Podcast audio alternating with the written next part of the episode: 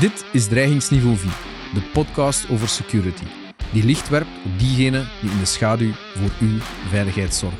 Mijn naam is Jannik de Smet, vroeger advocaat, nu actief in de private veiligheid en gepassioneerd door deze materie. Frederik Verhasselt behaalde een master in Business Economics aan de VLECO en achteraf een master Forensic Auditing aan de Universiteit Antwerpen Management School. Hij startte zijn carrière bij de Staatsveiligheid, waar hij vier jaar bleef en actief was als inlichtingofficier. Na die vier jaar stapte hij over naar de privé en ging hij werken bij KPMG, daarna ook bij Deloitte. Even een tussenstap als Corporate Security Officer bij Umicore, om vandaag actief te zijn bij Ernst Young als partner in Forensic Auditing. Frederik, goedemorgen. Goedemorgen, Jannik. Bedankt om hier vandaag aanwezig te zijn op de podcast Dreigingsniveau 4 in de Warande. Ik heb jou uitgenodigd omdat jij toch al een bijzondere loopbaan hebt en omdat je tamelijk wat ervaring hebt ook in wat het private werk rond veiligheid, beveiliging, maar vooral veiligheid en uh, ook, ook meer op het niveau van ja, fraudebestrijding en uh, maar verbeter mij. En ik zou het daar met jou ook vandaag willen over hebben. Maar zoals gewoonlijk beginnen we eerst met een beetje jouw loopbaan te overlopen. En als ik kijk, ja, zoals iedereen, uh, LinkedIn uh, is uh, een goede bron. Hè. dan zie ik dat je helemaal onderaan bij het begin van jouw loopbaan schrijft officer van 1998 tot 2002, vier jaar, officer Belgium Security and Intelligence Service. Dat klopt. Dus de, de Belgische staatsveiligheid. Uh, daar ben ik mijn carrière gestart na mijn studies. Een beetje geluk gehad, want er was toen net een, een recrutering. Na, denk ik, twintig jaar geen nieuwe recruten meer gezien te hebben, uh, werd er ineens uh, een, een, een, dertigtal personen gerecruiteerd, waarvan twintig Nederlandstaligen. En ik was nummer 21 geclasseerd, dus ik mocht eigenlijk niet starten, maar na een maand viel er iemand weg. En dan ben ik toch ook nog uh, aan die, die, die opleiding kunnen starten. Want ja, het, het werk bij de staatsveiligheid, dat startte met anderhalf jaar opleiding in, in verschillende, over verschillende zaken. Personenbewaking, schaduwing, maar ook heel veel geopolitieke onderwerpen die aan bod kwamen. Over terrorisme, over uh, binnen- en buitenlandse veiligheid, enzovoort. enzovoort. Okay. Is, dat een, is dat dan een vergelijkend examen? Je bent, hoeveel, kan je daar iets over vertellen, over de Goh, dat examen, dat heeft ongeveer, er waren verschillende examens, een vergelijkend examen bij Celor. En dat is over verschillende etappes gelopen. Dat heeft ongeveer een jaar in beslag genomen, denk ik. Okay. Ja.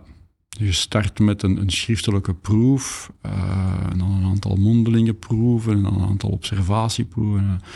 En was het meer aan de kant van analyse, of was het meer echt aan de kant van... Echt bij de buitendiensten. Bij de buitendiensten, ja. ja. Heb je dat graag gedaan? Heel graag gedaan. Heel fijne collega's leren kennen. Nog steeds een aantal onder hun die, die, die vrienden zijn. Dat was heel tof, want we waren eigenlijk ja, dertig gasten en meisjes die... die ja, samen opgeleid zijn gedurende anderhalf jaar en dan ook samen zijn beginnen werken. Heel fijn. Na je studies de keuze gemaakt om naar staatsveiligheid te gaan werken? Van waar die keuze? Zat het in de familie of... Uh... Ja, nee, als, als, als jonge gast, ja, geheim agent worden, dat, dat was wel iets natuurlijk. En, en, en ja, ik wou dat graag proberen. Dat, dat zag er enorm spannend uit. En ook er is ja, het gevoel dat je mee kunt werken aan een betere wereld. Uh, dat sprak mij wel aan. En dan ja, na een aantal jaren toch ook wel de, de minder leuke kanten aan, aan het beroep leren kennen. Je werkt tenslotte toch ook voor een, een ministerie. Ja. Uh, met een aantal beperkingen. En dan dacht ik van, ja, ik, ik wil iets anders. En dan ben ik overgestapt naar KPMG. Dus als veiligheidsconsultant, als, als forensische auditor. Ondertussen had ik ook nog een, een master in forensic auditing gedaan. En dan ben ik daar zo in, in terechtgekomen. En kan je misschien eens even uitleggen voor de luisteraars? Forensic auditing, hè? We, we zien dat af en toe. Wat is dat eigenlijk? Wat, wat, wat doen jullie? Is dat dan uh, in witte pakken of is dat... Nee. Nee. nee, nee, nee. Eigenlijk wat doen wij? Dat zijn uh, hoofdzakelijk fraudeonderzoeken voor ondernemingen. Een heel typisch voorbeeld is eigenlijk een, een, internationale groep met, met in België een dochteronderneming. En ze hebben daar niet echt vat op. En ofwel komt er ergens een, notificatie van ja, dat er mogelijk onregelmatigheden zijn, of men voelt wat nattigheid en men vraagt ons van ja, kunnen jullie eens een onderzoek doen om te kijken dat alles daar wel verloopt hoe het moet verlopen. Alle jaren worden wij ongeveer geconfronteerd toch met uh, een of andere lokale accountant of iemand van, van het finance department die denkt dat hem zichzelf een half miljoen kan overschrijven en dat het niet gaat opvallen. Dat zijn de echte dommerie. Dan hebben we een categorie die, die al iets verstandiger zijn, die, die beseffen ja, dat tegen het einde van het jaar de half miljoen dat gaat opvallen. Die proberen dan andere transacties in de boekhouding uh, te stoppen om eigenlijk dat gat van een half miljoen steeds maar op te vullen. En dan heb je de mannen die, die zeggen van kijk, uh, ik ga een aantal vennootschappen oprichten. Ik kan zelf uh, klanten en leveranciers aanmaken. Ik kan zelfs binnenkomende facturen goedkeuren. Dus ik stuur facturen, ik keur ze goed en ik betaal die uit. En uiteindelijk komt dat geld bij mezelf terecht. De kampioen die we daarin hebben gehad, die had twaalf vennootschappen. En dat was een lokale uh, financiële directeur. En die, die is erin geslaagd om op zeven jaar tijd ongeveer 10 miljoen naar zichzelf over te schrijven. Die deed eigenlijk niet anders als facturen maken vanuit die twaalf vennootschappen. Oké, een internationale groep. Zij merken ja, de revenues of de, de, de, de inkomsten tussen de vennootschappen zijn niet wat ze zouden moeten zijn op basis van, of de kostenstructuur loopt de pan uit. Zij contacteren jou dan. En hoe gaan jullie dan, wat is de aanpak? Uh, iedereen uh, stilstaan, uh, iedereen blijft zitten, handen van de computers, wij komen toe? Of hoe gaat dat eigenlijk? Eerst doen we ons huiswerk. We, we gaan eens kijken, oké, okay, die lokale onderneming, wie werkt daar? Uh, wat weten we van die mensen? Meestal is er wel ergens een, een, notificatie geweest van kijk, er zijn mogelijk onregelmatigheden of we hebben een rare transactie of, of, of een vreemd contract gevonden. En dan gaan we wel wat huiswerk doen en dan, ja, dan krijgen we wel een zicht van wie is er hier mogelijk fraude aan het plegen. En dan vragen we natuurlijk dat onze opdrachtgever meekomt om ons te introduceren en dan gaan we een eerste gesprek aan met de persoon. Dan zeggen we van kijk, er zijn indicaties van onregelmatigheden. We zullen dat graag met u bespreken, heel vrijwillig. Geven die persoon ook de kans om, om daar uh, een advocaat bij te pakken. Uh, we maken ook uh, notities van ons gesprek. We sturen die notities door. Die kunnen perfect nagelezen worden. Er kunnen aanpassingen gemaakt worden door, door die persoon. En pas als die zegt van kijk, dit is mijn verklaring, dan nemen we dat op in ons dossier. Wat gaan we daarnaast doen? Dat is gaan kijken naar de transacties. Dus we gaan alle interne transacties downloaden in bepaalde software steken en daar op basis van data-analyse onregelmatigheden gaan uithalen. Als we dan afwijkende transacties vinden, dan gaan we daar de onderliggende stukken voor vragen, facturen, contracten, om te kijken, oké, betreft dat hier legitieme transacties of speelt er iets anders. Uh, we doen ook achtergrondonderzoeken om ja, bijvoorbeeld uh, die vennootschappen van die persoon in kaart te kunnen brengen. Die vinden we dan terug in de boekhouding. Als er ja, echt sprake is van fraude, dan uh, kunnen we ook de mailboxen gaan kopiëren en op basis van zoektermen daar bepaalde boodschappen gaan uithalen die ons verhaal kunnen staven.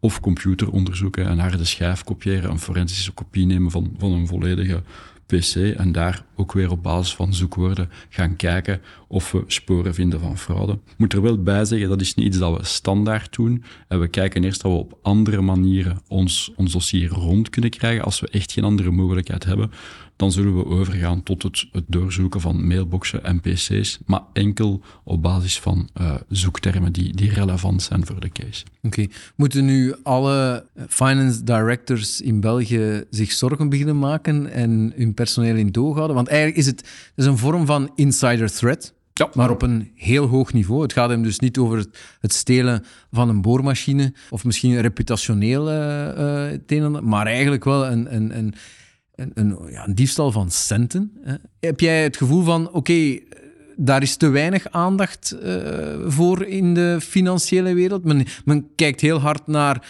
dat diefstalgegeven in, ja, ik zal zeggen, de lower end of the market, maar uh, onvoldoende naar de higher end of the market? Uh, daar klopt wel iets van, maar dat is ook aan het veranderen. ik denk 15 jaar geleden, wanneer een bedrijf fraude ontdekte, ja, dan gaven ze daar liever geen rugbaarheid aan. Hadden ze liever dat die persoon gewoon vertrok. Alle limiet mocht hem zelfs ook nog het geld houden. Natuurlijk, de mensen, de collega's weten dat. Ja, en, en eens dat je zo begint, dan zet je andere mensen aan om ook te beginnen frauderen. En we hebben dat wel zien veranderen de laatste jaren, dat bedrijven zoiets hebben van, ja nee, we moeten een voorbeeld stellen. Ehm, we gaan dat laten onderzoeken. En we gaan er ook voor zorgen dat we ja, ons geld terugkrijgen. Daar slagen we ook heel vaak in. En dat de gepaste maatregelen worden getroffen. Klacht indienen bij de politie. Mhm. We maken een rapport puur op basis van, van feiten, uh, niet op basis van, van roddels, daar, daar doen we niet aan mee. Maar wanneer dat we echt ja, transacties kunnen documenteren van A naar B en we zien dat B eigenlijk de privérekening is van de financiële directeur en dat daar geen uh, geldige reden voor is, ja, dan heb je natuurlijk uh, een, ja. een binnenkopper. Is het altijd zo eenvoudig? Of, of, of zeg je van, ja, met die vennootschappen is al een stuk ingewikkelder natuurlijk. En wat het, verschil maken tussen een echte factuur en een valse factuur. Uh, of, daar een, of liever een factuur waar eigenlijk geen... Want het is geen valse factuur, het is waar er geen prestatie tegenover staat. Fraude begint altijd klein. Uh, iemand test het systeem. Uh, een restaurantbonnetje binnenbrengen. Je bent met de familie gaan eten en je denkt, ja, ga dat terugvragen. En dat lukt. En je bent vertrokken. En, en dat begint met, met grotere zaken.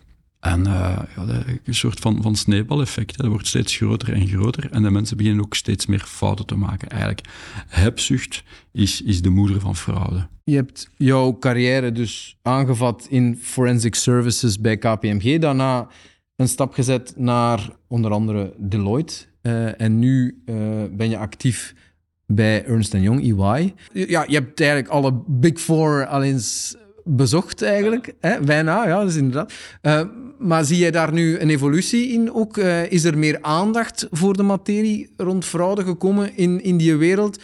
Uh, van want ja, die Big Four die doen ook ja, de klassieke auditingwerk, zelfs boekhouding, sommigen. Ja, ze staan nu een beetje aan beide kanten. Hè. Ze doen de boekhouding en tegelijkertijd gaan ze de potentiële dieven van de boekhouding gaan zoeken. Dat ben, en jij staat dan in voor die zoektocht. Zie je daar een evolutie in? Ja, sowieso. sowieso. Um, de Big Four en, en, de bedrijfsrevisoren zijn ook bezig met, met, met fraudebestrijding. Hè. Zij moeten natuurlijk jaarrekeningen goedkeuren en ze willen toch ook voor een stuk weten hè, dat, die, dat die kloppen. Dus dat speelt zeker en vast. Daarnaast, ja, wij als forensische auditor, we kunnen ook niet zomaar voor om te even welke klant een onderzoek opstarten. Dat zal een beetje afhangen van onze eigen uh, onafhankelijkheidsregels, uh, waar dat we steeds ja, tegenaan lopen en moeten kijken van oké, okay, kunnen we die klant aanvaarden en kunnen we die opdracht aanvaarden? Mm-hmm. Dus daar zijn we wel heel voorzichtig in. Ja. Hoeveel dossiers kom jij tegen ongeveer per jaar? Oh, dat hangt er een beetje van af. Uh, ik denk dat we over een jaar toch gemiddeld met een een twintig, dertigtal verschillende dossiers bezig zijn. Dat kan gaan van kleine dossiers tot heel grote dossiers. En dat is niet enkel de, de fraudes gepleegd door de, de lokale uh, financiële directeur. Wat zien we ook heel vaak. Dat zijn aankoopdirecteurs. Ze zijn ook blijkbaar vatbaar voor fraude, omdat ze natuurlijk ook op een, op een goede positie zitten om fraude te kunnen plegen. Ze kunnen afspraken maken met leveranciers en zichzelf daar verrijken. Wat ook soms speelt, zijn, zijn bedrijven, grote internationale bedrijven, die ergens ja, beticht worden van, van corruptie. En dat moet dan uitgezocht worden. En dan ja, uh, het overtreden van sancties is ook iets dat, dat tot bij ons komt. Ja. En soms zijn er bedrijven die ongewild eigenlijk ja, transacties aangaan met derde partijen, waardoor dat ze in de problemen komen. Uh, ook qua witwassen uh, zien we dat bedrijven soms ongewild betrokken worden bij, bij complexe witwasstructuren. Um, en eigenlijk zijn ze daarvan pas op de hoogte wanneer dat hun bank zegt van jongens, wij zouden eigenlijk de, de samenwerking willen stopzetten, want de transacties die jullie doen, die, die zijn voor ons te risicovol. En dan valt iedereen uit de lucht en dan zeggen ze, maar wij kopen aan bij die partij, daar is toch niks mis mee, we doen al tientallen jaren. En de bank zegt dan, ja, wij, wij zien daar andere structuren achter. En eigenlijk gaan we vragen van, uh, ja, uh, de relatie stop te zetten. In jouw uh, cv zie ik ja, fraude, compliance, hè, je, je, zegt het daar, een aantal sancties. Het kan niet de bedoeling zijn dat je morgen naar, om heel actueel te zijn, naar Iran gaat export doen. Hè? Maar ook cybersecurity is iets waar jij mee bezig bent. Kan je daar iets over vertellen? Oh ja, cybersecurity, dat blijft natuurlijk booming business. Mm -hmm. uh, overal waar, waar, waar, waar geld te verdienen valt, hè, daar zul je altijd wel malafide figuren hebben. En, en een van de zaken die nog steeds het meeste voorkomen, zijn, zijn de oplichtings, de, de, de zogezegde uh, directeurs, de presidentsfraude. Uh, de Nigeriaanse prins die, die van alles belooft in allerhande vormen. Dat komt ook steeds terug. We hebben zo'n een, een, een triestig geval gehad van een dame die al, al twintig jaar voor dezelfde baas werkte. Uh, eigenlijk de, de, de, de nauwste secretaresse was van de grote baas van het bedrijf. Die krijgt op een gegeven moment een mail van, van de baas uh, via zijn Hotmail-account. En uh, die zegt daarvan, kijk, we gaan een, een, grote overname doen. Mocht er met niemand over spreken, zelfs niet met mij op het werk. Uh, je gaat gecontacteerd worden door een advocaat en je gaat een aantal uh, transacties moeten uitvoeren en, en je doet dat maar gewoon. En dus die dame, die, goed, ik ga dat doen. En inderdaad, een paar dagen later krijgt ze een mail van, van een, advocatenkantoor. En ze wordt ook gebeld natuurlijk een, een, een, een vals advocatenkantoor. En er wordt daar gevraagd van uh, 2 miljoen over te schrijven op een rekening voor die overname. En die dame zegt, ja, dat lukt me niet, want ik kan maar tot 1 miljoen overschrijvingen doen. Omdat dat is niet echt zegt, een advocaat schrijft dan 990.000 over. En, en de volgende dag nog eens. En zo gebeurt. En op het einde van, uh, van de maand uh, uh, ja, breekt er een, een, beetje ruzie uit op het werk, want de lonen zijn niet betaald. En de baas komt en zegt, ja, maar komt het? Ja, je weet toch dat we die overname gedaan hebben. Hoe zegt die baas? Overname, welke overname? En dus het geld was weg. Uh, en gebeurt heel vaak. En wat zien we ook? Mensen worden creatief. Je hebt nu ook mensen intern binnen bedrijven die zeggen dat ze zo'n mail hebben gehad, die een overschrijving doen, en dan laten uitschijnen dat ze eigenlijk ja, erin geluisterd zijn. Waren. Ja, en toch zo proberen uh, het geld in hun eigen zak te steken ja, die insider threats, veel meer en meer bedrijven gaan daar ook in investeren. Hè, om, om, om die security awareness bij mensen voor zichzelf naar buiten toe, maar ook naar collega's toe eigenlijk te gaan bepaald gedrag of problematieken op uh, te pikken. Je ziet uh, ja, iedereen heeft, zijn moeilijke, heeft een moeilijk moment, of kan een moeilijk moment in het leven hebben. Uh, een stuk gelopen huwelijk, een, een, een schuld die op plots opduikt of whatever. Werken jullie daar ook rond om, om dat bewustzijn eigenlijk te vergroten? Ja, dat proberen we zeker en vast.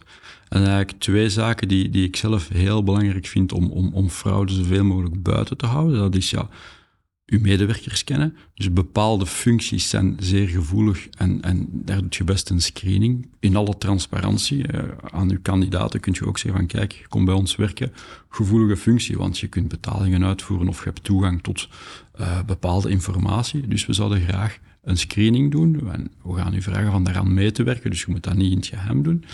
Ik denk dat de kracht van die, die pre-employment screening voornamelijk zit in het feit van het te zeggen aan de mensen dat je het doet. Je schrikt sowieso een aantal personen af die eigenlijk iets te verstoppen hebben. En daarnaast weten met wie dat je zaken doet. Dus mm -hmm. weten wie dat uw klanten en uw leveranciers zijn. Uh, want daar kan nogal een keer wat tussen zitten, zeker grotere bedrijven. Je hebt daar geen zicht meer op wie allemaal klanten en leverancier is. Dus daar ook een, een, een gedegen screening uitvoeren, zal, zal ervoor zorgen dat er, dat er veel onheil bespaard wordt. Dus dat is de, dat is de klassieke KYC, Know Your Customer analyse. Ja. Ja, wel dat is meer van, van bij de banken, maar dat speelt ook zeker voor de bedrijven. Weet met wie dat je zaken doet. En, en ja, vraag je ook af, bepaalde transacties, waarom doen we die? Waarom werken wij met een, een klein bedrijf samen in België en, en doen we een overschrijving naar Litouwen? Om even terug te grijpen naar het begin van jouw carrière. Ingangsexamen, staatsveiligheid en dan een overstap naar de privé. Wat hebben die eerste vier jaar, in welke mate helpen die jou nu nog voor wat je dan uh, in dat forensic onderzoek en in dat uh, banka allez, bankaire en financiële wereld doet. Zijn daar, zijn er nog dingen dat je zegt van dat heb ik daar geleerd en daar pas ik eigenlijk nu nog toe? Oh, ik denk het, het, het, het verzamelen van informatie, het verwerken van informatie, het zien van patronen, het willen op zoek gaan naar bepaalde zaken en een kritische ingesteldheid hebben, ja, dat is daar wel eh, een beetje in geslepen op die manier, ja. Is er, is er met, met de jaren ervaring, is er zo'n gevoel, is er een, een, een, zesde zintuig ontstaan? Er is wel een, een bepaald profiel ontstaan over de jaren. Er zijn al veel studies naar gedaan, naar het profiel van, van een fraudeur. Uh, ik heb er ook een aantal van gelezen, maar ik moet zeggen, mijn eigen ervaring spreekt dat toch voor een stuk tegen. De gemiddelde fraudeur die wij tegenkomen is een, is een man van middelbare leeftijd met een jongere vriendin die er eigenlijk veel te goed uitziet. die hem waarschijnlijk ook veel geld kost. Uh, wat zien we ook steeds terugkeren? Sportwagens. Ah. Op een of andere manier, ja, sportwagens.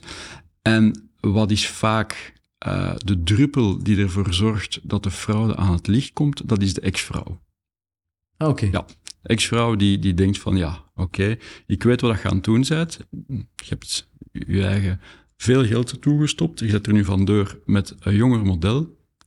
Ik ben jaloers en ik bel naar, u, naar uw werkgever en ik vertel het hem. En zo komt het allemaal aan het licht en dan begint de bal uh, te rollen. En dan gaan we dat documenteren, in kaart brengen, de schade gaan opmeten. En wat is de relatie met, met politie? Beschouwt men jullie dan echt als een partner? Uh, of, of hoe ziet die relatie eigenlijk? Eigenlijk goed, vind ik. Wij doen zaken die minder interessant zijn voor de politie. En wanneer een bedrijf naar de politie stapt en zegt van ja, kijk, we denken dat we hier intern met een fraude zitten, weet ik niet of dat zeer snel gaat opgepikt worden. politie kan ook niet alles doen. Mm Vandaar dat wij daar een, een, een heel traject in kunnen lopen. En dan natuurlijk ook meegeven aan de klant van kijk, ga daarmee nu naar de politie, leg een klacht neer en probeer ja, de dader te bestraffen en je geld terug te krijgen. En als je al een, een rapport hebt waarin dat alles eigenlijk op een, op een eenvoudige manier beschreven is, want we proberen het niet ingewikkeld te maken, ja, dan gaat je veel meer kans hebben dat de politie het ook oppikt. En, en meestal gebeurt dat dan ook. Doen jullie ook iets om de reputatie van de klant te bewaken? Of is dat eigenlijk gewoon het onderzoek en dan het onderzoek wordt afgehandeld, klacht met bulke partijstelling, dan wel uh, bij het parket of bij politie. Maar hebben jullie ook teams die zeggen, oké, goed, we moeten voorkomen dat dit naar buiten komt. Wat als dit naar buiten komt, communicatie ervan, enzovoort en zo verder? Ja, meestal hebben de bedrijven hun eigen communicatieteams die zich daar wel mee, mee bezighouden. En dan ja, het, legal department is meestal ook betrokken, dus dat hebben ze zelf wel goed onder controle. Ja. Uh, wat ons betreft, wij zullen altijd pleiten voor maximale transparantie. Dat is ook het, meest gezonde voor een bedrijf, denk ik. Proberen niks weg te moffelen. Maximale transparantie, uh, ook naar de eigen medewerkers toe. Daar, daar, op, op lange termijn uh, kom je daar het verste mee wanneer men vermoedens heeft, wordt er daar ook dan uh, detectives ingezet om mensen te volgen om...